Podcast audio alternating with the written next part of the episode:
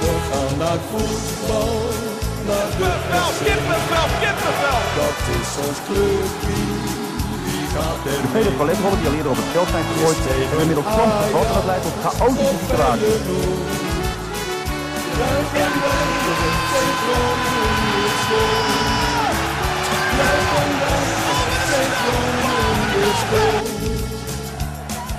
En dan is het eh, Jan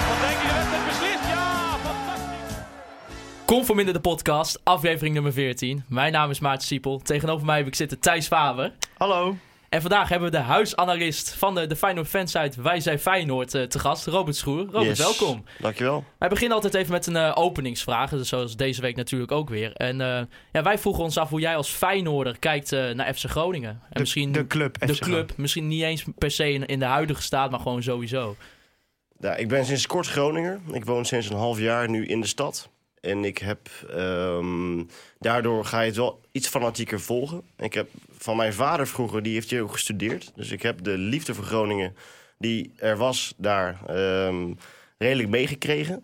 Ik vind het ehm, in zekere zin vergelijkbaar met Feyenoord dat het een volksclub is. Dat is Ja. heel erg cliché, maar het, als je hier in de stad woont, merk je dat wel. En ik vind het nieuwe stadion van jullie heel tof. Ja, Ehm, ik heb er een tijdje tegenover gewerkt. En eh, ik ben pas ook in de bioscoop geweest daar. De Kinepolis. Kine- Kinepolis. Kine- zoiets. ja, het heeft al acht namen gehad. dus, Ja, eh, ja, ja. Maar ehm, ja, ik vind het een gave club. Eh, jullie trainer heb ik een zwak voor. Want die heeft natuurlijk ook een geschiedenis Tuurlijk, bij ja. Feyenoord. Ehm, dus ja, een gave club. Ja. ja, en natuurlijk de beste keuze uit je leven gemaakt om naar Groningen te verhuizen, denk ik. Ja. Ja. Als wel. je uit Alphen uit aan de Rijn eh, komt, dan eh, is iets al snel een betere keuze. Als je uit eh, de krochten van de Randstad eh, vandaan komt, dan is Groningen geen... eh, Alleen het is er ver weg, jongens. Van alles. Ach, joh, zo ver weg. Ja, nou ja. Man. Dit is een, eh, een lange discussie. Daar gaan we nooit uitkomen, denk ik. nee, klopt. Dan gaan we even terug naar afgelopen zondag. We gingen naar de Kuip. 1-0 verloren helaas van Feyenoord. Jens Toornstra maakte een prachtige volleygoal. Ja, Thijs, ik denk dat we het eerst even moeten hebben over onze away day. Want er zijn deze keer ook wel weer wat heel veel dingen gebeurd. Frikandellen. Friek, nee, onder andere pinautomaat of juist het gebrek eraan. Nee, goed, begin. we moeten het misschien eerst even uitleggen. Eh, wij besloten om ondanks de, vrij, eh, de eigen vervoerregeling met de trein af te reizen. Eh, dat, dat mocht officieel niet. Eh, je moest te voet naar het stadion komen en dan met de auto komen en dan zelf een. Oh, wordt dit de eerste keer dat we gaan knippen of laten we dit erin? Onze eindredacteur Wouter Holsappel is momenteel eh, aan een knopje aan het draaien en die krijgt een schok. Oké, we gaan verder. Ik bel ondertussen even 112 als jij doorpraat. ja, ja, precies. ja, Oké, dit laten we er gewoon in. Ja. Oké, we hadden dus eigen vervoer. En eh, we hadden eigen vervoer eh, gekregen van de, van de lokale driehoek. En dat betekent dat je met de auto moet afreizen in principe. En dat je bij het stadion moet omwisselen. Maar wat hadden ze nou gezegd? Zoek zelf maar een parkeerplaats uit en kom dan maar te voet naar het stadion. Nou ja, dan weet je, dan pakken wij gewoon lekker de trein. Het mag Heerlijk. officieel natuurlijk niet. Maar eh, ja, wij zijn lekker in alle rust om negen uur eh, in, in Assen bij een perron vol Feyenoorders op de trein naar Rotterdam gestapt. En eh, ja, wij dachten we nemen de tram vanuit het centrum naar de Kuip. Dat is een mooie route. Over de Erasmusbrug. Ja, Ja, nou, die Erasmusbrug route. hebben we nog net meegekregen voordat Maarten uit de tram werd gezet, omdat hij geen eh, saldo op zijn OV-chipkaart had. Nee. Ik zei, ik zei nog ook tegen, tegen jou, Thijs, van ja, ik wil dit niet. Ik heb hier geen zin in. En jij zei, ah, maar je wordt toch niet gecontroleerd Ja, in maar wanneer tram. word, jij wanneer word je gecontroleerd in een tram? In Rotterdam nooit. Dus je bent Nee. waarschijnlijk de eerste. Nou ja, Maar je kon dus Ja. ook niet pinnen in die tram. En nou we het toch over pinnen hebben. eh, we kwamen dat uitvak binnen. Goede ontvangst wat dat betreft. eh, aardige stewards, eh, gewoon relaxed. En eh, ja, wij dachten, ja, nu we toch in het stadion zijn... eh, we gaan eens even wat lekkers van die catering halen. Ja, we hadden al een kop koffie gehad. Nou, dat was zo heet, jongen. Nou, dat Ja. is echt... die koffie was heet. ik heb nog steeds een verbrande tong. Maar eh, het was een beetje een probleem. Want eh, het meisje achter de balie... eh, die had de pinautomaat laten vallen. Ja, Ja. Het is ook een waardeloos seizoen voor ons. Dus ja, dat, Ja, dat- dat als soort frustratie of uit frustratie smijten dat met ding dat gaat ding. smijten. Ja, Ja, de snap wa- het wel. Waardoor er dus niet meer gepind kon worden. eh, alleen nog met cash betaald. Eh, nou ja, als Kan je, gebeuren. kan gebeuren. Als je dan cash hebt, dan denk je, oh, dan kopen we wat eten. Nou, dat was er ook niet. Dus dan hebben we het hier over de, de derde club van Nederland in principe. Hè? Ja, ja. Nou ja, oké. Ja. Ja, misschien een beetje gevoelig. hè? Ah, wat, wat hebben wij toen gedaan? Toen heb ik op Twitter heb ik naar Feyenoord toe getweet van... hey, hallo, dit is er aan de hand. Eh, kom met een oplossing. Want eh, er kwam net een bus van de juniorclub binnen met 80 kinderen. Die hadden vier uur in de bus gezeten. En die konden gewoon niks eten, te eten krijgen. Niks te, nou ja, te drinken kon dan nog net als de ouders al cash bij zich hadden. Ja. Nou ja, ik zei ook al hier in het noorden... ik betaal nooit meer met cash. Ik heb nooit cash in mijn portemonnee. Maar ja, misschien moet ik dat dan beter voorbereiden of zo. Ik weet het niet. Nou, geen kroketten, geen frikandellen. Dat was Nee, eh en het antwoord van Vraag het Feyenoord was... dus een Twitter-account op Twitter, de webcare van Feyenoord... die zeiden van, eh, ja, eh, we vinden het oprecht heel vervelend... maar we kunnen er niks aan doen vanaf hier. Ik denk, we zijn in jullie stadion... met jullie medewerkers... Ja, Nou, dit is een beetje het probleem wat toen destijds nog eh, Bert van Oostveen, toen hij nog KNVB-voorzitter was, al zei. En waarom die natuurlijk een voorkeur aangaf voor de arena als het om Interlands ging. Dat bij de Kuip het qua ehm, horeca en qua eten en drinken, hè, koude kroketten werd toen vaak genoemd. Ehm, wat een probleem is, maar dit is wel heel erg eh, bizar. Dat heb ik ook zo. Ja. Ik heb heel vaak ben ik in de Kuip geweest, heel vaak, en ik heb het nooit meegemaakt. Ja, maar ik denk, wat is dat ook voor, voor manier van gasten ontvangen? Ja. Ja, ja, dat is eh, schandalig. Ja, Thijs, Ja. als je dan toch een... eh, Het was een luisteraarsvraag die we binnenkregen van eh, Patrick B050. Als je dan toch mag kiezen tussen de catering van de Kuip en eh, van de Euroborg. Nou, dat is wel kiezen uit twee ernstige dingen. Want, eh, nou ja, Heb je de eierbal hier bij de Euroborg? nee, Oh. nee, nee, nee. Ik Als Groningen ook maar enkele variatie in de catering moet aanbrengen, duurt het dus tien jaar. Nee, maar, gehakt is het ook niet. Dat is een beetje een, nee, eh, maar kijk, het verschil is dat bij Groningen kun je het wel afrekenen en überhaupt iets krijgen, zeg maar. Dus dat is denk ik het voordeel ten opzichte van Feyenoord. Maar het- ja, kijk, weet je, het zijn van die kleine bijzaken. Maar ik denk, ja, wat een slechte ontvangst. En ook, eh, kijk, als je dan reageert, wat in principe netjes is bij, bij Groningen, krijg je nooit antwoord van de social media accounts. Kom dan niet met zo'n reactie van ja, we lossen het de volgende keer op. Wat heb ik er de volgende keer aan? ik weet zeker als het bij Heracles of Emmen was, dan waren ze met een schaal met broodjes aankomen. Ja, hadden ze ook gewoon kunnen regelen. Ja. Ja, maar alsof ze dat niet kunnen. Ja, Nee, nou ja. En dan hebben we het nog niet eens over de wedstrijd gehad. Nee, want daar laten we het denk ik daar even over hebben. Ja, 1-0 dus eh, voor Feyenoord, eh, de goal van Jens Toornstra. Maar eh, laten we het toch zeggen, Thijs. Ik eh, denk dat wij toch na een kwartier wel heel goed voetbal hebben. Nou ja, goed voetbal. We hebben in ieder geval Feyenoord wel kunnen aanpakken, denk ik. Ja, eh, het was organisatorisch. Dat het, het eerste kwartier was, was wel even doorkomen. Je zag dat Ja. eh, Feyenoord, zeker met eh, Nieuwkoop... die gewoon echt heel diep ging.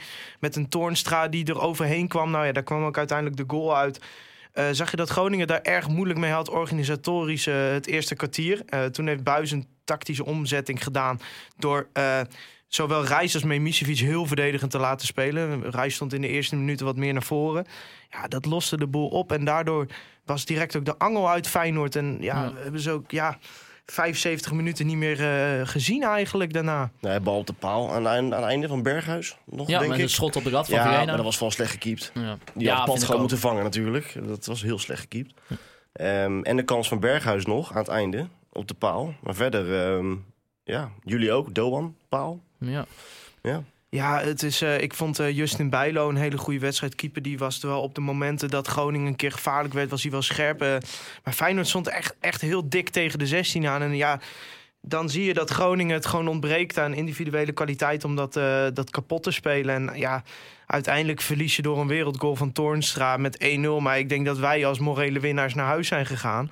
Nou, werd ook wel slecht verdedigd hè, bij de goal van Jens Toornstra. Nou, dat was een goede loopactie. hoor. Ja, dat, dat wou ik Goeie- zeggen. Het is, het is in essentie niet slecht, omdat eh, het is heel, een hele onvoorspelbare loopactie eigenlijk. Dus ja, En wat ik, 9 van die 10 loopacties eindigt, nou 99 van de 100, die eindigen in buitenspel. Deze was een randje. Ja. ja, Want ik zat, eh, ik dacht, oké, er komt een VAR en die wordt afgekeurd. ja goede bal van Eh, Klaasie trouwens. Ja, dat was een goede paas. Dat was ook de enige goede actie van Klaas. Die, maar die, eh, die paas was prachtig. Ehm, en een loopactie. Dus dat is ook een beetje pech dan. En dat is ook weer zo'n cliché. Dat, dat je in de hoek waar de klappen vallen.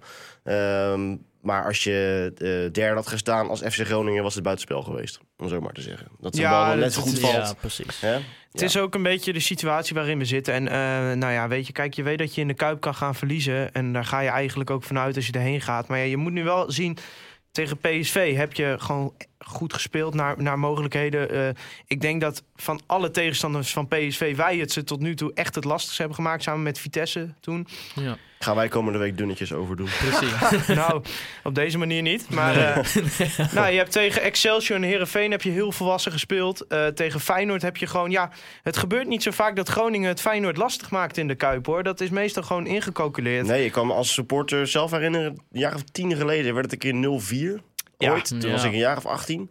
Ehm, en ik kan me de laatste jaren, ook in het kampioensjaar en zo... eh, wonnen wij meestal met 2-3-0 of zo. Ja, Altijd Ja, wel. Hè? Als de tweede helft werd het een keer beslist. Maar en, dat is eh, typisch Groningen tegen de top drie, drie is dat je, nou, je gaat uit en je gaat er met enige verwachting in. En ze komen vroeg op voorsprong en in de tweede helft lopen ze uit naar 2-3-0. En dan kun je tegen elkaar zeggen, ja, we hebben schade beperkt gehouden of zo. Ja, ik hoorde Jack van Gelder bij Rondo eh, zeggen zondag. Dat vond ik wel een goeie. Dat, dit was echt typisch zo'n wedstrijd, Feyenoord-wedstrijd... dat het op een gegeven moment 1-1 had kunnen worden. Bijvoorbeeld die actie van Doan op Ja. de paal. Ja. En dat Feyenoord dan de tweede helft met 4-1 was uitgelopen. Ja, dat was een beetje zo'n wedstrijd. Tenminste, dat dacht ik na die 1-0 ook. Zo'n zo'n potje gaat het worden. Ja, het is gewoon heel zonde dat je zo vroeg op achterstand komt. Anders ja, dus sowieso voor het wedstrijdverloop was het misschien anders geweest... omdat Feyenoord dan iets meer risico had genomen. Maar ja, als ik toch uit Feyenoord perspectief kijk... maak ik me dan wel zorgen over hoe groot dat gat wel niet is tussen Ajax en PSV. Je ziet, eh Gio heeft totaal geen plan B. Nee. Eh, de wissels die hij doet, dat, dat, dat verbaast mij. Wij hebben het wel eens over de wissels van bijvoorbeeld Faber gehad. Dat er eigenlijk nooit een plan achter zat. Maar dit was Dit echt ook niet. Ja, maar dat is, dat is, durf ik wel namens 90% van het legioen te spreken. Ehm, dat Gio is natuurlijk een held en dat staat buiten kijf. En die verdient ook een vertrek door de voorste voordeur. Alleen, ehm, dit werkt gewoon niet meer. En eh, wat heel pijnlijk was, dat tweet ik ook nog... ehm, dat FC Groningen zet een omzetting, wat jij noemde. De middenveld, de as ging wat lager spelen. Ehm, en toen was Gio de weg kwijt. Toen, Ja, want, toen eh, kwam Groningen kwam beter in het spel. Want Doan kreeg die grote kans. Die reis schoot die bal net over de Ja. kruising. Ehm, dat, dat, dat, iedereen ziet wat er aan de hand is. En er wordt gewoon ingegrepen. Maar wat ik het bijzonderste vind, is dat Groningen gewoon in de Kuip grip op Feyenoord had. Ja. Ja. Dat, Dat was- dat hadden zou wij je niet bij een verwacht. Ajax of PSV. Nee. Kijk, thuis tegen PSV zijn we in principe op balbezit. En qua eh, hoeveel grip je op een wedstrijd hebt, in principe gewoon weggespeeld door PSV. En dat is ook logisch, want PSV is zoveel beter dan Groningen.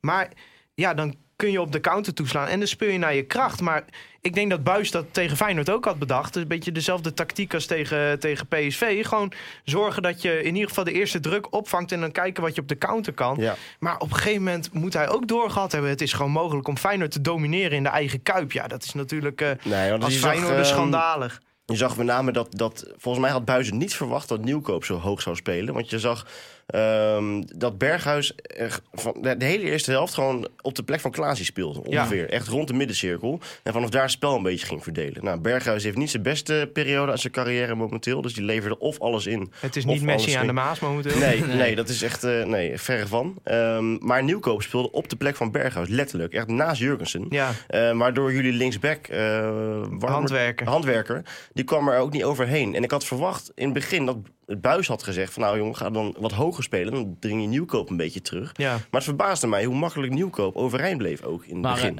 Ja, wij kregen ook een, eh, een, eh, luisteraarsvraag binnen van onze vriend van de show, eh, Robert Visser. Ja, die vroeg zich ook eigenlijk af van, ja, hoe verklaar je dat dan dat, dat je na 20 minuten eigenlijk gewoon tactisch gewoon compleet wordt, een soort van, ja, weggespeeld als het ware. Hoe, hoe, Nou, hoe zit dat? Ehm, ik vond het wel grappig, want ik heb uiteraard in voorbereiding op deze uitzending over die van vorige week teruggeluisterd van jullie. En Ja. een van jullie twee refereerde toen, of zei toen van, ehm, je moet Van de Heide onder druk zetten. Dat is de enige Feyenoord die kan opbouwen achterin. Klopt ook. Eh, maar wat je zag, en wat volgens mij de kantelpunt was, dat Klaasie meer onder druk werd gezet. Eh, die assist van Klaasie was natuurlijk een waanzinnige paas. Die kwam van halverwege de, eh, de helft van Groningen. Ehm, maar je zag dat met name Reis wat meer zijn richting in ging bewegen en zijn paasrichtingen eruit haalde. Ehm, waardoor op een gegeven moment Feyenoord die bal niet meer bij de voorste linie kon krijgen. En omdat Reis en Mimicevic heet hij volgens mij. Ja. Ehm, die gingen wat, wat meer compact bij elkaar spelen. En daar had het middenveld, ook Toornstra, die was niet meer zichtbaar gelijk. Eh, daar had Feyenoord geen antwoord op. Dus ik denk dat die zet van Buis de beslissende... Nou, geen beslissende zet, maar wel een belangrijke zet is geweest. Nou ja, het, Ja. het was ook Feyenoord had eigenlijk geen mogelijkheid op verticale passing Nee, meer. Het was heel klopt. vaak dat de bal breed of terugging. En dat, nou, dan werd vervolgens Van der Heijden goed onder druk gezet door Mahi. En Van der Heijden had ook gewoon een slechte dag. Waardoor Ja. Bo- Botteguin eigenlijk de opbouw moest doen. Ja, dat is vrij dat armoedig. niet. eh, Ja, want nee. Botteguin is een fantastische verdediger in zijn werk. Maar er moet wel gewoon iemand naast staan die kan opbouwen. En ja, daardoor ging het bij Feyenoord zo stroef. En ja, vanuit Groningen perspectief is het dan eigenlijk zonde dat je, dat je van een, een gammel Feyenoord eh, dan niet nog een puntje kan meenemen. Nou, wat je, wat je ook zag, en dat, dat is ook de type speler met Doan, die ging nadat Vallen die bal op de paal geschoten had, ging hij iets meer zwerven. Eh kwam hij ook vaker echt in de punt terecht en dan ging Cachera wat meer naar buiten. Ehm, daar had Feyenoord echt geen antwoord op, want het is- die verdediging is te statisch. Uh, Malasia had heel veel moeite met, met Doan en ook met Cachera. Die kregen wel echt een schandalige gele ja, kaart ja, en trouwens. dan hoor je die, die, die Wij dachten in het van stadion bij eh, NOS hoor je roepen dat het wel een Ja. gele kaart is. Een prachtige tackle. Verder speelde Malasia echt heel slecht, vond ik. Wij Eh, dachten in het stadion van, oh, dat is rood. Dus van Ja. achter. En toen keek ik keek hem in de tackle. herhaling terug. Ik denk, jongens, als dit geel is... Ja, maar, maar Feyenoord had daar geen antwoord op. Ehm, en ik vond Nieuwkoper, en dat, daar heb ik meestal het meeste commentaar op, als enige wel goed spelen. Eh, Maar die kreeg ook wel een beetje de ruimte. Dus ik vind dat, eh dat Buis het goed heeft eh, neergezet. En, en goed heeft geanticipeerd halverwege de eerste helft. En ik vond ook dat Groningen, zeker rond de 60ste minuut, wel gelijkmaker had verdiend. Ja, Ja. nou ja, natuurlijk uiteindelijk eh, als je naar de onderliggende statistieken gaat kijken... heeft Groningen eigenlijk kwalitatief weinig grote kansen gehad. Ja, Ik geloof wij dat, ook niet. eh, dat Groningen op een expected goal van 0,4 uitkwam. Ja. Ja. Ja. Maar ja, als je, je- wij ook niet. Hè. Jurgensen kreeg in, in de tweede minuut een enorme kans. Ja. Maar die was weer ja, die is ook hopeloos uit vorm. Die moest hem vier keer aannemen. Toen Die is was ook die niet weg. fit, hè? Die ook niet Nee, fit. maar die loopt met de ziel onder zijn arm. En eh, het- is geen eh, Feyenoord talkshow hier, dus we gaan daar niet te diep op in. Ja. Maar de Jurgensen bij Feyenoord, dat, dat is echt een, eh, een ending story. Is hij voor jou op dit moment wel de speler die het meest tegenvalt ook dit seizoen? Bij Feyenoord? Het hele helft Goeie vraag. tegen, toch? Goeie vraag. Ehm, Van, ik- van wie Ber- verwacht je meer? eh, ik verwacht van Berghuis meer. Met, met zijn ervaring. En het is natuurlijk geen speler die in het buitenland naam heeft gemaakt. Maar die heeft ook interland ervaring inmiddels. Ehm, ik vind dat Berghuis meer moet brengen. En zeker in zo'n doodpunt als halverwege de tweede helft... verwacht je van hem een, een actie, een, wat Elia bij ons deed. Eh, Precies, ja. Maar speler. zolang jij eh, Gio aan het roer hebt, zul je elke wedstrijd moeten gaan beslissen op individuele Ja. kwaliteit. En dan zijn dat wel de spelers waar je Ja. het van moet hebben. Ik vond Filena trouwens wel goed spelen. Ja, je Ja. ziet het Verlena weer eh, ook dankzij Koeman. Want die Interlands hebben altijd een goede invloed op Verlena. Ook al speelt hij niet. Maar als hij bij een Nederlands elftal is geweest... ehm, komt hij goed tevoorschijn daarna bij ons. En ehm, die is ook rijp voor een stap hoger op. Ja, want die ik, die wordt eh, hier niet beter. En eh, die loopt... Ja, Feyenoord was zo gammel, joh. Ja, en je ziet ook gewoon, je mist gewoon van Persie. Ehm, heel simpel. Dan heb je natuurlijk veel minder diepgang. Dan heb je zo'n goal als die we maakten. Toornstra had je niet gemaakt. Want Van Nee. Persie doet dat niet op die snelheid.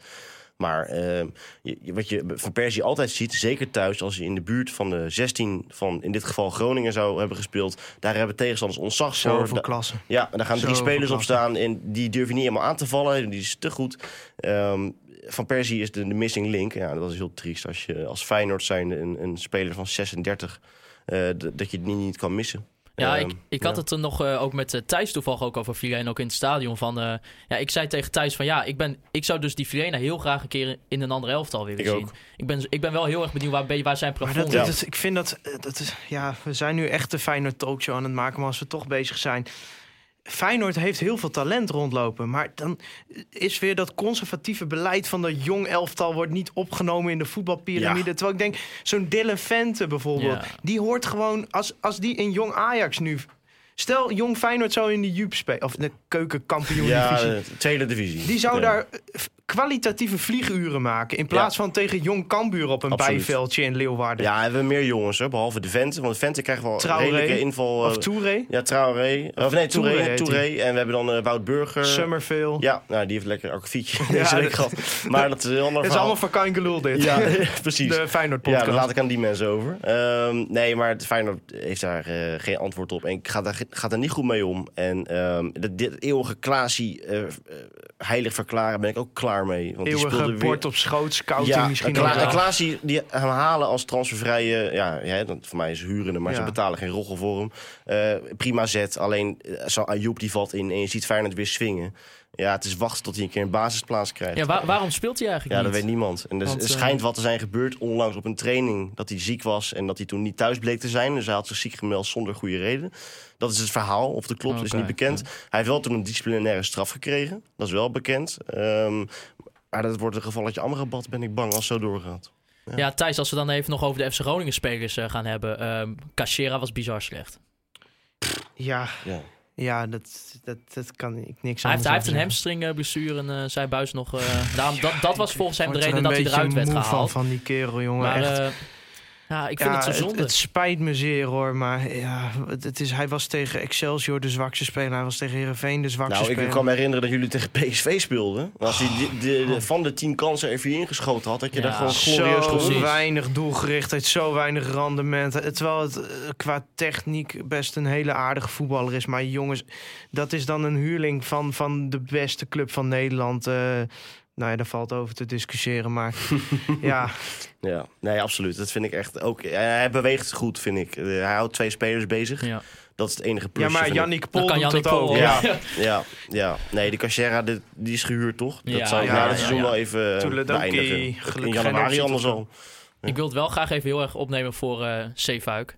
Die vond ik echt briljant. Eh, ik denk, dat ik denk, briljant. ja, ik vind, vind ik wel. ik vind dat er het echt heel briljant is als hij de ene naar de andere aanval afsluit. Hij speelde gewoon prima. Ik vind hem aan de bal eh, zo... eh, Ja, Ja, daar is hij niet zwak. voor. Nee, maar ja, het is wel handig als je als rechtsback een beetje een Ja. bal vooruit kan passen. Nee, ik vind wat ik bij hem wel heel goed vind, is ook de, zijn opkomende vermogen. Dat, ik vind dat dat wel echt sterk is aan hem. Ja, maar zodra hij de bal krijgt, heb je er niks meer aan. Nou, je moet hem gewoon voor, je moet hem, je moet hem niet te veel aan de bal. Je moet hem gewoon, als hij mee komt, gewoon de- de- hopen dat hij dat voorzetje kan Het geven. enige waar je wat aan hebt, is dat hij met zijn loopacties de boel een beetje open kan trekken. Maar voor de rest, nee. Nou, wat hij goed deed, want we hebben één speler op linksbuiten, dat is mijn favoriet. Maar Larsson was de laatste weken in vorm. Samba. Ja, Samba Sam, ehm, die heeft eh, weinig kunnen laten zien, dankzij Zevenhuik. Ja, en die had Dus, ook een ehm, teleurstellende wedstrijd. Ja, maar die gaf hem één keer een balletje door de benen, maar dan herstelt Ja. hij goed. En eh, ja, dus dat deed hij goed. Dat is zijn eerste taak natuurlijk. Ja. En vanaf links is Feyenoord nul keer gevaarlijk geworden. Dus dan is die Zevenhuik toch een, eh, ja, kun je wel een veertje, veertje geven, toch? Ja, en, en, eh, Tim Handwerker toch ook een aantal keer toch eh, prima nog wel een bal veroverd. Stekende wedstrijd. ja, toch? Maar die is sowieso de afgelopen vier wedstrijden al goed. Maar als je gaat kijken naar wat voor, eh, wat voor goals Groningen sinds PSV thuis tegen heeft gekregen. Tegen PSV had je die eerste goal kun je niet zoveel aan doen. Dat was gewoon individuele kwaliteit van PSV.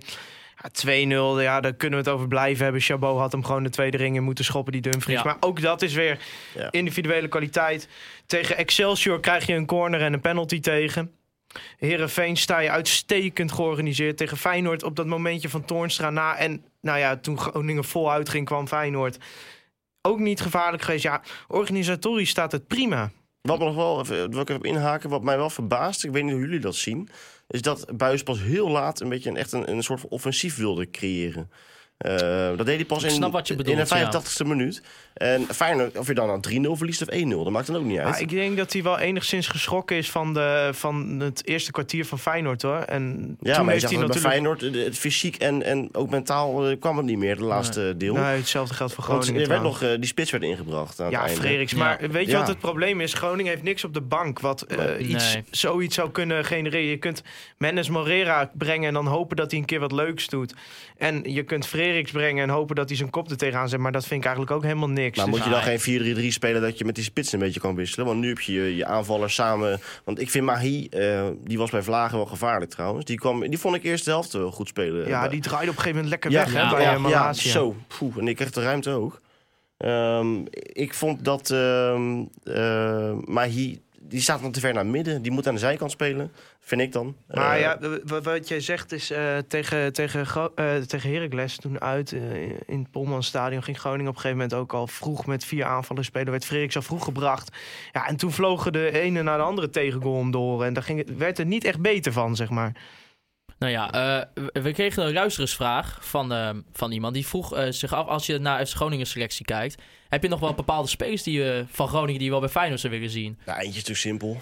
Dat is Doan. Onbetaalbaar. Eh, die is onbetaalbaar. Ja, gaan wij niet betalen. Nee. Eh, tenzij Jurgensen opeens nu eh, wel weer de geest krijgt. Ja, maar voor- zelfs dan hoor, ik denk niet Nee. dat er een eredivisie club is die zegt ik leg even 10 miljoen voor Nou, een Ajax speler. misschien. Ik zie Ajax dat wel doen. Nou, Ajax die zit een beetje met een verkoopt. Soleimani-trauma, denk ik. Want Nou, Ziyech heeft ze ook niet. 10 miljoen gekost. hè. En die was toch al wat beter bij Twente dan Ja. Doan nu bij Groningen is. Klopt. En ik, zie, ik vind PSV ook wel een club die daar de gok voor waagt. Als die Pereira straks verkopen, die worden kampioen, denk ik. Dus die gaan het geld ook wel weer hebben. Ik denk dat die wel Doan kunnen kopen. En ik weet ook niet of Doan in de buitenlandse... Ja, hij speelt nu ook in de buitenlandse competitie, maar buiten Nederland... eh, of hij dat gaat... eh, Ah, ik zou gewoon lekker middenmootje Duitsland doen, Werder ja? Bremen of Ja, zo. ik weet ja. niet. Ik, eh, ik zie PSV hem wel halen en anders Ajax. Maar dat is natuurlijk een speler. Maar als je meer kijkt wat reëel is voor ons... eh, ik vind die Reis een goede speler. En die is Ja. maar 18. Zocht ik vanmorgen even op. Ik dacht dat hij ouder was. Nee. Maar die vond ik ook degene die dat, ehm, de wederopstanding, zoals het zo mooi heet, van Groningen inluidde in de wedstrijd. Eh, door die bal net langs de kruising te jagen. Maar die ging bij, bij Vlagen ook wat dieper staan zonder bal. En dan koos hij goed positie. Eh, en het ventje is nummer 18. En die hield zich tegen Klaasie en ook tegen Filena af en toe in duels goed overeind. Ehm, Nou, dus- ik zou het hem in ieder geval afraden om naar Feyenoord te gaan. Want hij komt daar niet in de, in de basis te spelen. En dan kan Nee. hij lekker op een bijveldje tegen Ja. Young Go Ahead Eagles Ja. gaan spelen. Dat, eh, Ja, nee, dat is slecht voor zijn Nee, het is, ontwikkeling. eh, Feyenoord en middenvelders, dat, eh, nee. Ehm, je zou wellicht nog... ehm, ik, ik vind die, die handwerker een prima back, maar die heeft Feyenoord wel. die is van Köln. Ja, Ook, oh, die is, ja. eh, ja. Ja, ja, is goed. Ja, dus dat is een speler die bij Feyenoord wel op den duur mee zou kunnen. Eh, nou ja, en, en ik had ook gisteren even met een van jullie, eh, misschien kom je daar nog op terug zometeen, eh ging over Mahi. Eh, d- daar had ik ook nog wat over gezegd. eh, Nou, dat wil ik ook even Ja, zeggen. Want, ja, eh, want want dat wij, moeten we even rectificeren, denk ik. Want jij, jij zei dat dat een garantie voor gezeik is in de selectie. En dat snap ik best dat Ja. je dat als buitenstaander naar dat gedoe met veldwerk denkt. Maar Ja. als je wel eens op een training komt, dat is oprecht de sfeer maken. Ja, dan. nee, en dat was ook een beetje een zwart-wit opmerking, Ja. maar dat komt Ja, meer... dat- eh, Als buitenstaander is volkomen begrijpelijk. ja, en dat, want hij heeft toen met Idrissi dat gedoe gehad. En, en dat ook met de dat lag, veldwijn meer dat aan, jullie dat lag meer aan Idrissi dan aan mij, Ja. hoor. Nou, en de, de, de grootste reden waarom ik dat zei... is dat Feyenoord natuurlijk de afgelopen jaar genoeg eh probleemspelers dat- gehad heeft. Volkomen begrijpelijk. Ehm, en dit jaar ook weer. En de afgelopen jaren heeft dat heel veel invloed gehad. eh, behalve in het kampioensjaar.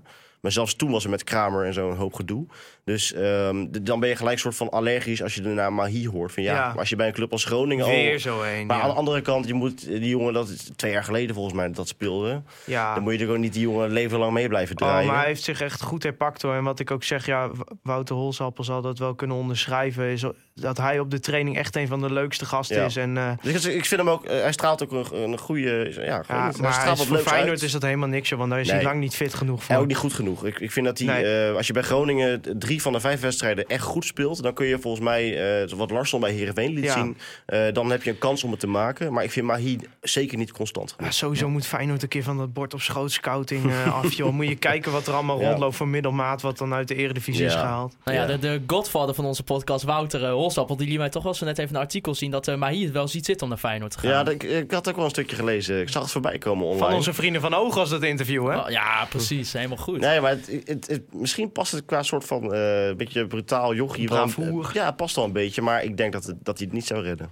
Nee, ja, en, net wat je zegt, hij, gewoon ook qua fitheid inderdaad. Ik bedoel, Thijs had laatst ook even onderzocht van dat, dat hij maar de helft van de wedstrijden heeft gespeeld Ja, ongeveer. minuten. eh. hè. En dan heb ik de blessuretijd die hij gespeeld heeft daar nog niet bij dat, opgeteld. dat, weet je, je, je hebt toch wel zo'n jongen dan gewoon wel fit nodig. Zeker Ja. bij zo'n club als Feyenoord. ja, en als, je, als Feyenoord dan Europees gaat spelen, moet hij dan drie wedstrijden in de week. En dat, ja. dat niet dat wij elk jaar Europees spelen. Nee, maar eh, de mogelijkheid is wat absoluut. groter dan bij Groningen, Absoluut. zeg maar. Nee, maar ook kwalitatief zie ik het hem niet redden. Ah, hij, is En, veel, eh, hij is veel te gammel daarin, joh. Ik denk dat Groningen ook, want jullie gaan natuurlijk echt niet eh, alle jaren, de komende jaren eh, onderin blijven hangen. Ik, ik denk dat hij, eh, dat hij op den duur gewoon een- toch een prima vaste speler voor Groningen. Moet hij wel even zijn contract verlengen, want dat verloopt na dit seizoen. Nou ja, ja, ja, Thijs, jij had het over eh, gammele dingen. Dan wil ik het graag ook even over de Kuip hebben. Ja, Ehm, ja, wat, wat, wat, hoe kijk jij daarnaar? Naar de Kuip ja dat en is de toekomst een, daarvan? gevoelige, gevoelige materie. Ah, luister geen Feyenoord zien naar, joh. Nee, dat is waar. Ik kan er zeggen wat ik wil. Nee, ik ben een van de velen die in het middengebied zit, grijze middengebied.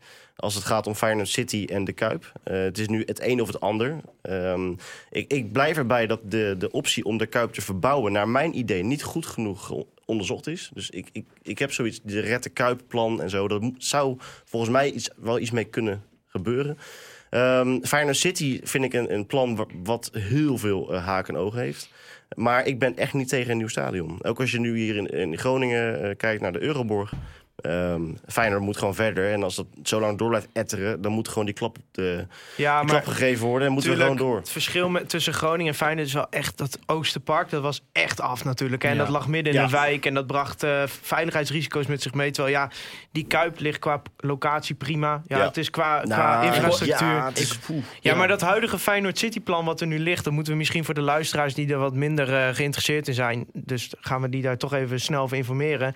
dat heeft een aantal dingen. Dat is eh, de verplichte combi voor thuissupporters. Ja, Nou, Dus- dat, dat kan niet. Dat Nee, kun dat je al eh, niet maken. nee, en niet. ze willen de capaciteit verhogen. Nou, we hebben het zondag gezien. Ze krijgen het niveau in de gemiddelde. nou, dat, ik moet wel zeggen dat dat wel vrij uniek is. Eh, want ook vorig jaar, toen we geen topjaar draaide, verre van, was het wel vaak uitverkocht. Jaar Ja. daarvoor, ja, het is kampioenschapjaar, logisch. Maar over het algemeen krijgen we het wel 90% vol. Ja, maar kijk, het hoeft ook niet het een of het ander te zijn. hè. Maar je hebt nu een uiterste, dat is de Kuipenhout. Nou, dat is onmogelijk. Je kunt Ja. niet in dit... In, ja, het, ik vind het een schitterend stadion, maar het is wel gewoon oude troep. Klopt. En verbouwen is geen optie, hè? Nou ja, ik vind Dat het is wel. niet En, eh, onderzocht. d- nou, Oh, het is wel onderzocht en er zijn ook echt wel plannen voor geweest. Maar het was natuurlijk vrij snel duidelijk dat de, de mensen in Rotterdam, of de directie richting Feyenoord City wilden. Dus het is vol- naar mijn idee te snel van tafel Ik geveegd. vind het een enorm kwalijke zaak dat het bestuur eigenlijk daar gewoon te weinig openheid te geeft. Ik bedoel, Ja. het is voor Feyenoord supporters is het de toekomst van hun club, hè, Klopt. waar we het Ja. over Ja, hebben. dit, dit wordt ook, dat, zie je, dat zien jullie ook. Jullie zitten ook op Twitter. Ehm, als buitenstaander, als het om Feyenoord gaat, hoe heftig die, die, die ja, emoties dat hierom is echt zijn. de doodsbedreigingen Ehm, vliegen ja, iedereen dat om is niet normaal. Daarom ben ik ook zelf daar een beetje wars van dat ik daar nog iets over zeg. Want Ja. je, je krijgt de ene bedreiging naar de andere naar je hoofd. Als je maar zegt dat Feyenoord eventueel in een nieuw stadion zou moeten kunnen gaan spelen. Als Ja. je het zo verwoordt, dan word je al gelincht. Ik, ik, eh, ik pas daarvoor. Maar Ja. denk je dat het ook eh, belangrijk is, het Feyenoord City, voor, voor het wel weer kunnen aanhaken bij PSV en Ajax? Vraag Want ik dat gat af. wordt wel groter Ik, ik natuurlijk. heb het idee dat Ajax, eh, al denk ik niet dat Ajax dit jaar kampioen wordt, maar Ajax is, is financieel en, en qua, ook als ze nu in Amerika bezig zijn, die zijn Ja. zoveel verder.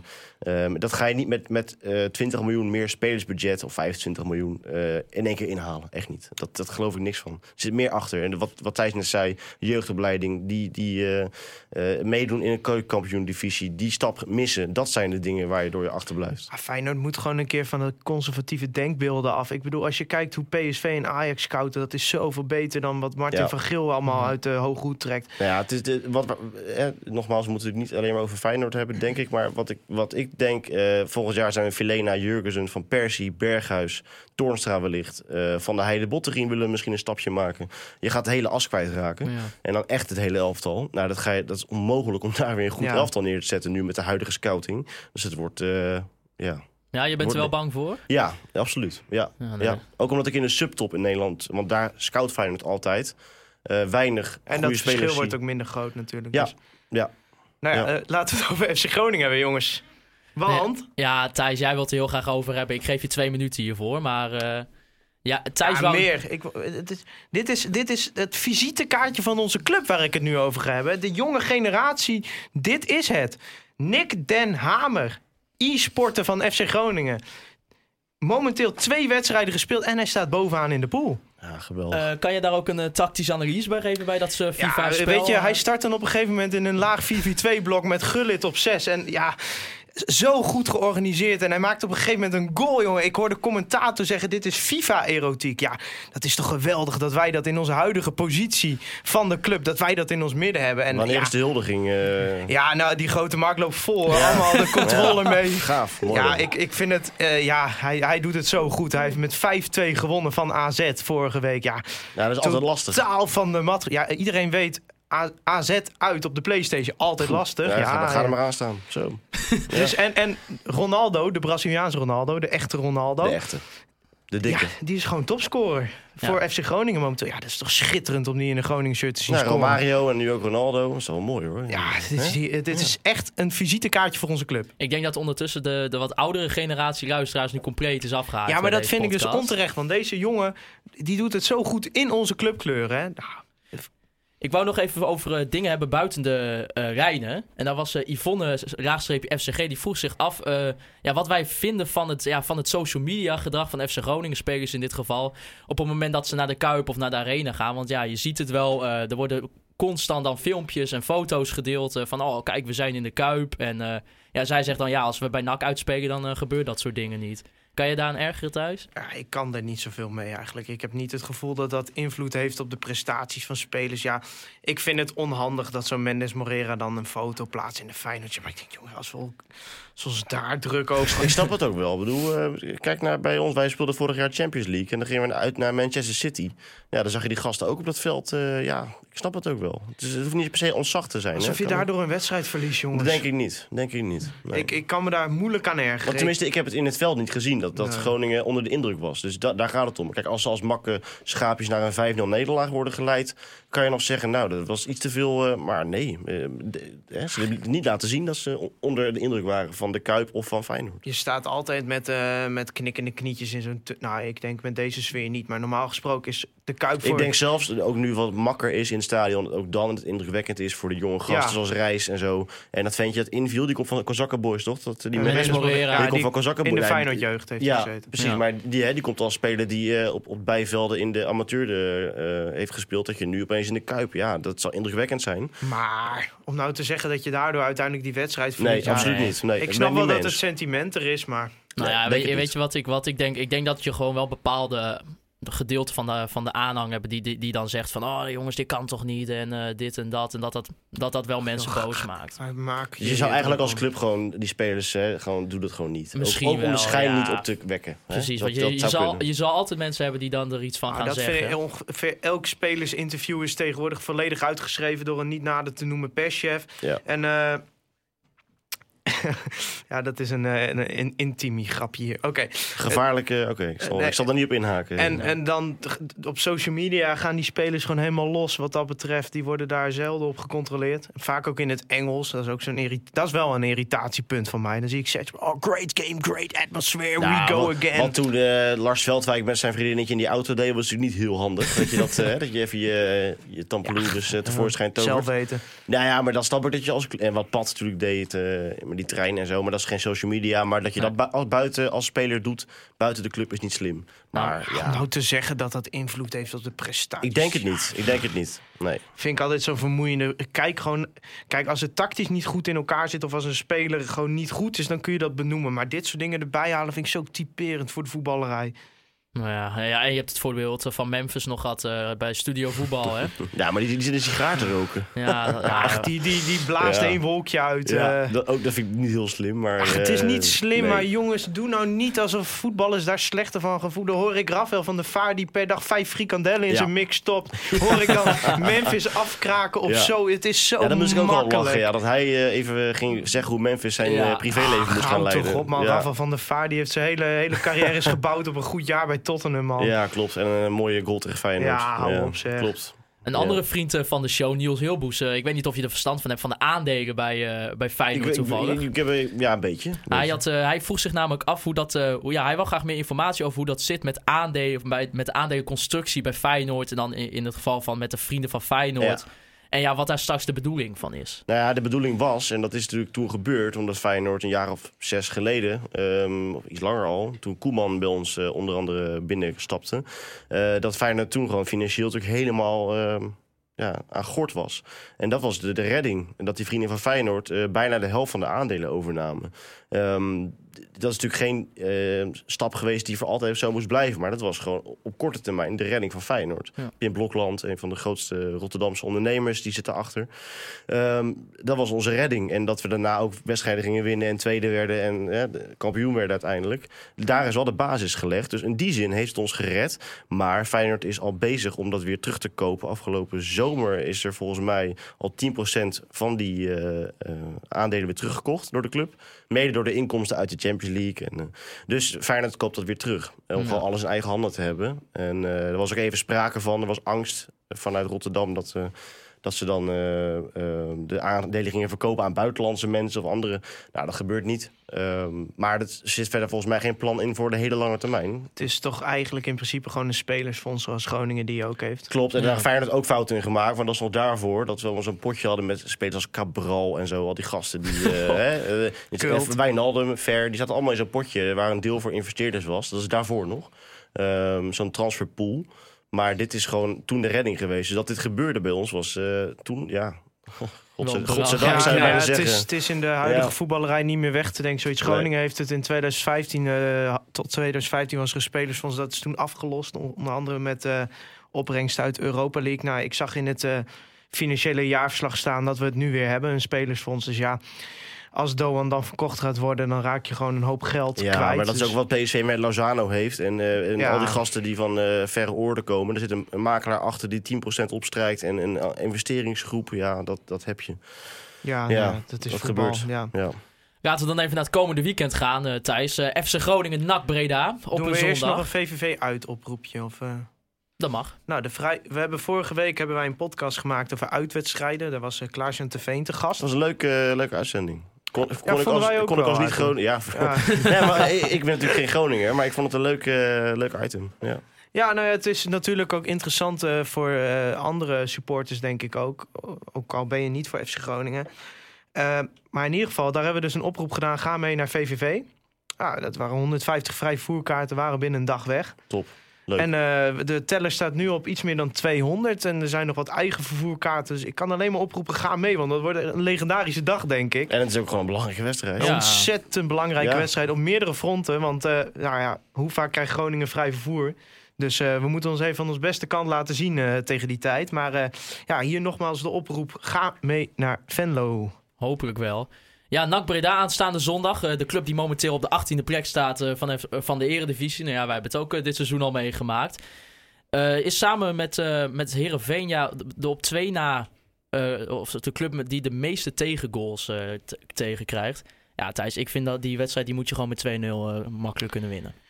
Ja, ik maak me er toch wel een beetje zorgen over. Hoor. Waarom? Waarom? Thuis tegen NAC. Ja, Ja, kom echt? op. Zorgen? Ja. Nee joh. Maar waarom?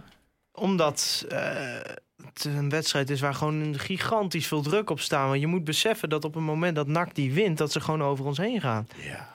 En ja, maar we En kunnen NAC is elke echt keer... heel matig hoor. Kijk, de komende vier wedstrijden, als je die allemaal wint, dan heb je eigenlijk je seizoen, eerste seizoen zelf gered. Sta je op 22 punten. Want wie hebben jullie nog eh, even tot, tot de winter? Je hebt dan... eh, NAC thuis, VVV uit. eh Emmen thuis? Emmen thuis, Fortuna uit. Zo, dan zou in theorie 12 punten... Ja, maar ja, dat Kunnen is, zijn, dat, toch? Dat, ja, Ja, nou zou ja. heel apart zijn, maar minimaal 9 moet toch kunnen? Ja. Dat vind ik wel. Ja, Toch? ja, ik maak me er nog steeds wel zorgen over zondag, omdat eh, ja, NAC is niet al te best. Dan kunnen we met vrij zeker. het, ja. Maar wat NAC eh, tegen Ajax wel heeft laten zien... dat ze best oké zijn in de boel goed achterin dicht timmeren. Nou, ik voorspel een verschrikkelijke wedstrijd. Want zodra Groningen het initiatief moet nemen... Nou, zelfs tegen Herenveen had het niet het initiatief in handen. En eh, ja, ik, ik, ik maak me er wel zorgen over hoor. Want eh, ja, NAC kan ook misschien op de omschakeling toeslaan... als Groningen dan eh, op een gegeven moment eh, uit paniek... maar met heel veel naar voren gaat... Ja, Ja, maar ik vind, ik vind als ik het als buitenstaander bekijk, zie ik NAC als een ploeg echt met nul vertrouwen. En Ja. Groningen, ja, ook als je ze in de Kuip zag, maar zeker de goede prestaties daarvoor. Die ze op, op een gegeven moment wel boekten. Ik denk dat Groningen, en zeker thuis, en ook met jullie eh, supportersgroep. En natuurlijk is het niet uitverkocht, maar eh, de sfeer eh, vond ik wel indrukwekkend. Ook tegen Herenveen zeker, met die gave sfeeractie. Ehm, ik denk dat Groningen thuis dat gewoon gaat winnen. Ja, en ik denk, ik denk ook wel met een nulletje of drie. Dat vind ik, ik, Nou, ik denk denk, ik eh, echt. ik denk 1-0. Nee, ik, denk- ik, Ik, denk dat we echt met een verschrikkelijke wedstrijd met 1-0 gaan winnen. ja, ik, weet niet of ik al mocht voorspellen, maar... nou, alles mag. Ja, nou, ik vind, ik vind ook, ja, kijk natuurlijk door een FC Groningen bril, maar ik vind wel in de huidige staat dat je inderdaad gewoon hoe je prima tegen Feyenoord speelt en de wedstrijden daarvoor. geeft ze wel vertrouwen, ik vind, ik vind ook als je dat, als je dat, Ja, maar dat, dat, is armoedige zo- NAC zo'n verschil. Hè? Want tegen Feyenoord kun je achterover gaan leunen. En eh, dan hoef je niet per se zelf het initiatief te nemen. Want je weet, Feyenoord thuis in de Kuip. Tegen alles behalve Ajax en PSV hoort gewoon dat initiatief te pakken. Ja, nu wordt er van Groningen verwacht dat zij initiatief pakken. Kijk, tegen Excelsior heb je het over een ploeg die, zoals eh Adrie Poldervaart altijd zegt, deftig voetbalt. Eh, dat betekent dat Groningen ook dan het initiatief aan Excelsior kan geven. Nou, Herenveen zit tactisch voor geen meter in elkaar, dus dat maakt geen donder uit wat je doet, want je wint wel.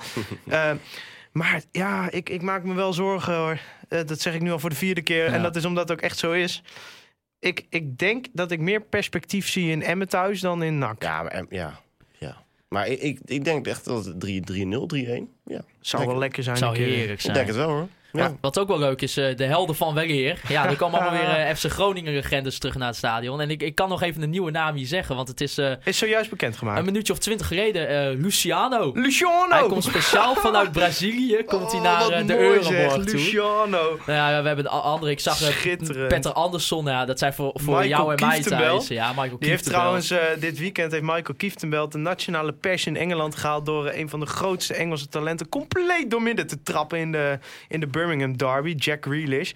Voor de mensen, google het even. Heerlijk. Het is trouwens wel, die Kieftenbel, die zei ook volgens mij afgelopen week dat hij nog wel eens een keer bij Feyenoord zou willen of kunnen spelen. Ik denk niet dat hij daar goed in Ik heb, ik heb het hem wel horen, horen of Ja, zien, ik- zien zeg. Ik heb het geschreven Ik gezien. zou ook wel bij Feyenoord willen spelen. Ja, maar, die, eh, maar dat vond ik wel grappig, want ik was die naam natuurlijk een beetje vergeten als, eh, als eh, Feyenoord-sporter. Ja, ik ken hem van zijn Groningen-tijd. was Maar bij ik- Groningen altijd al net goed genoeg, Ja. zeg maar. Het, ja, qua instelling is het natuurlijk een heerlijke speler om naar te kijken. Maar dat is hetzelfde verhaal als Zeefuik, ja. Ja, we zouden het wel kunnen gebruiken nu. Daar ben ik wel van overtuigd. Eh, vind je ook Thijs dat Luciano... eh, Luciano, hè? dat hij in, eh, in het rijtje thuis wordt van de helden van Weleer? Ja, absoluut. Dat is toch een, absolute goat, is dat. ja. Oh, jongen, elk afstandsschot het hart in je keel. Dat hij er weer onder door zou duiken tot de grootste reflexen op schoot. Dat je denkt, nou, hoe pakt hij die eruit? Ja, ja ik vind dat mooier dan zo'n... Dan zo'n nou ja, Pat is ook een cultfiguur op zijn eigen Ja. manier. Maar dan een Bizot of een Brian van Loo. die er voor de rest ook geen kloten van kon. Nee. Nou ja, ik- we gaan even voorspellen natuurlijk. Ehm, nu is het wel zo, Thijs, we hebben dit weekend wel weer verloren en we hadden voorspeld. Dus in theorie zouden we niet moeten voorspellen voor een overwinning. Maar ik wil het toch wel even graag doen. Eh, jij zei een 1-0? Ik denk 1-0 eh goaltje Doan. eh, lelijke goal, vieze prutsgoal. En een lelijke wedstrijd, één schot. Robert, waar ga jij voor? Ik denk dat jullie 3-1 winnen. En ik denk dat maar hier zeker twee maakt tegen En, die eh, eh, walgelijke verdediging En van eh, NAC. Mitchell tevreden maakt de 3-1 dan? Dat zou, zou geen verkeerde spits voor jullie zijn. In plaats van Cachera, meen ik oprecht. Ah, Nee. Nou, Ja, nee, echt meen ik. Ja. staat, staat genoteerd. en, eh, nou, wat denk je zelf van Feyenoord dan dat eh, de scouting weekend? niet luistert. En wij gaan tegen PSV. Ja, Ja. thuis. Voor Persie waarschijnlijk weer erbij. Ehm, ik denk dat we die verliezen met 1-2. En eh, misschien winnen we hem nipt, maar PSV heeft veel meer vertrouwen. En ik zie PSV gewoon eigenlijk het hele seizoen niet gauw verliezen. Ehm, Ik denk echt dat het 0-4 wordt. nee, niet. Feyenoord is daar te, Ja, denk echt. is te veel eer daarvoor. En dat zal thuis niet gebeuren. Eh, want je kan wel zeggen van Feyenoord, en ook al is het niet goed, maar thuis winnen we alles. Ja, dat is wel Ehm, zo. En ook met wein, gewoon weinig Met of geen de lammen en blinden van Groningen. Ja, maar ja, ook eh, Utrecht, Vitesse. En dat was puur door Van Persie. Maar dat zijn de wedstrijden die we, waar het wel een beetje om ging voor die derde plek. Die wonnen we wel uiteindelijk verdiend. Ehm, ik denk niet dat eh, we van PSV winnen. Nee. Ik, eh, ik denk echt dat het 0-4 wordt. ja, nee, serieus. Als er maar geen 0-10 eh, wordt, dan... Nou, oh, dat, zou wel, dat zou wel wat Dat was zijn. ook een leuke wedstrijd, hè? Ja, Ja, zullen we het daarover hebben? Ja, leuk. goeie oude tijd. Ik heb de laatste samenvatting nog eens gezien. Ja? Ja, Oh, is klasse. Kult. Robert, dan, jongen. eh, dan wil ik jou bedanken voor je komst hier naar de Wat, wat denk jij, Maarten? Hallo, laat je Oh. horen. Eh, poeh, ja, ik, ik, ga- ik denk gewoon echt, Thijs, dat denk ik echt 3-0. Het wordt Ach, echt een makkelijke Nee, wat zeg je overwinning. nou? Ehm, oh nee, dit komt Cachera, achtervolgd om. Cachera gaat een hele mooie goals ma- En maken. Jannik Pol zeker ook. Nee, er wordt gewoon... En, en wordt gewoon- uit een corner. Ik durf zelfs te zeggen dat ik denk dat de trainer van NAC ontslagen wordt na de nederlaag in Groningen. Zo. Dat, dat is een Wordt uitspraak. Mitchell van der Gaag de Christmas turkey. Ja, en dat, daar zijn jullie dan de, de aanstichter van. Ja. Ja, het gaat, Ja, voor, denk mij, ik wel. het Ja. gaat voor mij tussen Van der Gaag, Jan Olderiekerink en John van het Schip. Dus dat is een spannende strijd. Nee, van Schip niet. Ja, nee. Oh, Wouter denkt weer dat het 0-5 wordt. Het zal de mensen misschien ja, waarschijnlijk niet opgevallen zijn, want die vinden Wouter daar niet relevant genoeg voor. Maar die, die voorspelt altijd 5-0 voor Groningen. Nou, hoop, hopen we. Laten we daarvoor gaan. Ja, Robert, dan wil ik jou bedanken voor je komst hier eh, naar de Oogstudio. Omroep Oog natuurlijk zelf ook bedanken voor de faciliteiten. Ja, en Free Westerhof voor de muziek. Ehm, we moeten hem nog horen. Het is de kans tegen een NAC. Ja, jij bent er niet, dus zo Ik ben er niet. zijn. Dus eh, nou ja, ik, ik hoop het dan wel voor, niet alleen voor jou Thijs, maar gewoon voor het hele stadion. Dat, eh, dan kan iedereen uit volle borst meezingen. Wil ik ook nog even graag een oproepje doen om een eh, recensie achter te laten op iTunes als je luistert via Apple producten. En ons te volgen ook op de social media als je, als je social media gebruikt natuurlijk. Eh, de Conform Minder, de podcast. Het is op Instagram, Facebook, Twitter. Wij zijn van alle markten En thuis. je kunt ons ook volgen op Twitter. We hebben allemaal onze volledige naam met een laag streepje ertussen. Dat klopt, ja. Ja. Dus eh, Thijs, raagstreepje Faber. Robert 1B, dus Robert. ja. Laagstreepje Schroer. Juist. Schroef, maar in plaats van een F en R. Ja, let op. Vier medeklinkers achter elkaar. Drie, vier, vier. Vier Wel medeklinkers. En uh, Maarten Raagstreepje Siepel. En dan uh, wil ik u bedanken voor het luisteren naar Conforminder de podcast.